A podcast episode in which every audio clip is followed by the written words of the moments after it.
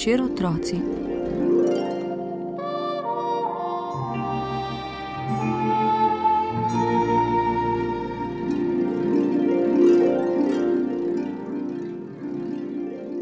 Za nami je vesel dan, takšen kot mu ni para v vsem letu.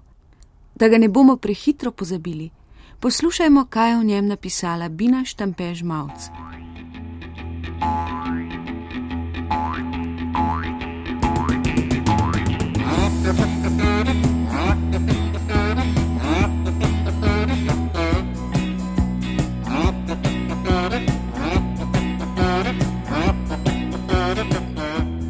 Konec tedna je nenadoma povsod zadišalo po pustu.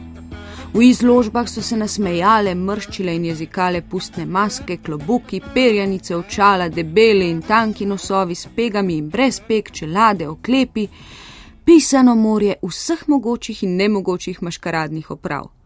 Ljudje so postali živahnejši, zgovornejši, celo smejali so se pogosteje kot ponavadi. Hišni vogali so bili prilepljeni z lepaki, ki so divje vabili na vesele pustne zabave in plese, in zrak je krepko dišal po krofih. Ni čudnega, če je tudi pri zmajčkovih zavladalo obsedno pustno stanje. Mami, jaz bom letos za maškare gusar z leseno nogo, je upil Gaj. Hm, mislim, da si na zadnje pred dvema dnevoma hotel biti povodni mož, je previdno pripomnila mama. To je bilo pred dvema dnevoma, mami, ampak najraje bi bil gusarski kapitan z leseno nogo. Dopusta je še dobrih deset dni in če bo šlo tako naprej, bomo imeli samo zate sešitih kakšnih deset maškradnih kostumov, je pripomnil oče, še ne prav pustno razpoložen. Neznosen tresk z vrati in v sobo je butnil Gajo starejši brat Jan. Mami, poglej, tu imaš knjigo. Jaz bom letos za maškare takle rokokojski plemič, kot je tule na sliki. Boš videla, šlo bo popolnoma brez problemov. Obleko mi boš sešila ti, verižice in prstane pa sem si že poiskal med tvojim nakitom v predalu. Potreboval bom samo še tisti tvoj super zavihani črni klobuk, vse veš, tisti z nojevim perjem, je strokovnjaško razlagal Jan. Ja, imaš prav, je rekla mama sploh ne bo nobenega problema. Takole načičkano rokokojsko obleko se šijem, kot bi mignil, za dekoracijo pa uporabimo moj najboljši nakit. Zlat sicer ni, ampak za maškare bo menda dober. Praviš, da bi ti prišel prav tudi moj najboljši in najljubši črn klobuk? Zelo sem počaščena, dragi Jan, ampak s tem ne bo nič, se je prav nič pustno jezila mama. A tako, če gre za me, je zmeraj kaj narobe. Gaj si pa lahko vsak dan izmisli kako novo bedarijo. Do zdaj si mu sešila že tri maškeradne obleke, pa je še celih deset dni dopusta. Najprej je hotel biti zmaj s tremi glavami in jaz sem se dobrosrčno lotil dela. Narisal in izoblikoval sem tri imenitne zmajske glave. Vse rad slikam in ustvarjam, ste rekli. Pa je bilo vse skupaj za manj.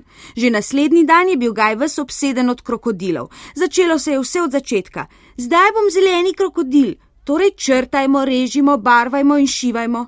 Si sploh pomislila, kako težko sem oblikoval krokodilsko glavo z odprtim gobcem in tisti belasti kuščarski rep? Ni minilo dva dni, to je res zaznoret, pa ga je pograbilo, da bi bil najraje povodni mož, kajti ta je veliko močnejši in uglednejši od krokodila. Začele so se krojaške operacije za povodnega moža.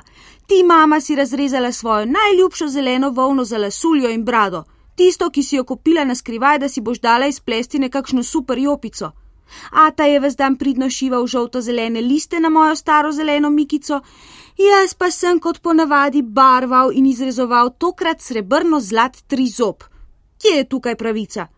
Ko pa po temeljitem premisleku in enkrat za vse le povem, kakšen maškaradni kostum bi si želel jaz, je vse prekomplicirano, je užaljeno dejal Jan. Tedaj se je navdušeno in žvrgoleče oglasil Gaj. Jan, jaz nočem biti več povodni mož, zdaj bom raje gusarski kapitan z leseno nogo, ker je večji frajer. A tako, a zdaj boš pa že gusarski kapitan, odpade, če misliš, da ti bom risal in izrezoval leseno nogo, črno prevezo čez oči ali gusarsko kapo, se motiš, imam vsega dovolj, da veš, da ga je crkljan, da smrdi, se je razsrdil Jan. Lepo prosim, Prenehajmo s prepiranjem in se pogovorimo mirno in po pameti, je pomirljivo rekla mama. Pust že nima pameti, zato je pa pust, je jezno pribil Jan. Dobro, dobro, priznam, da ni prav, da ima gaj že tri kostume in hoče še četrtega. Ampak vseeno je neumno, da se prepiramo zdaj, ko so maškaradne opreme že sešite in pripravljene. Naredimo raje kakšen pameten pustni sporazum.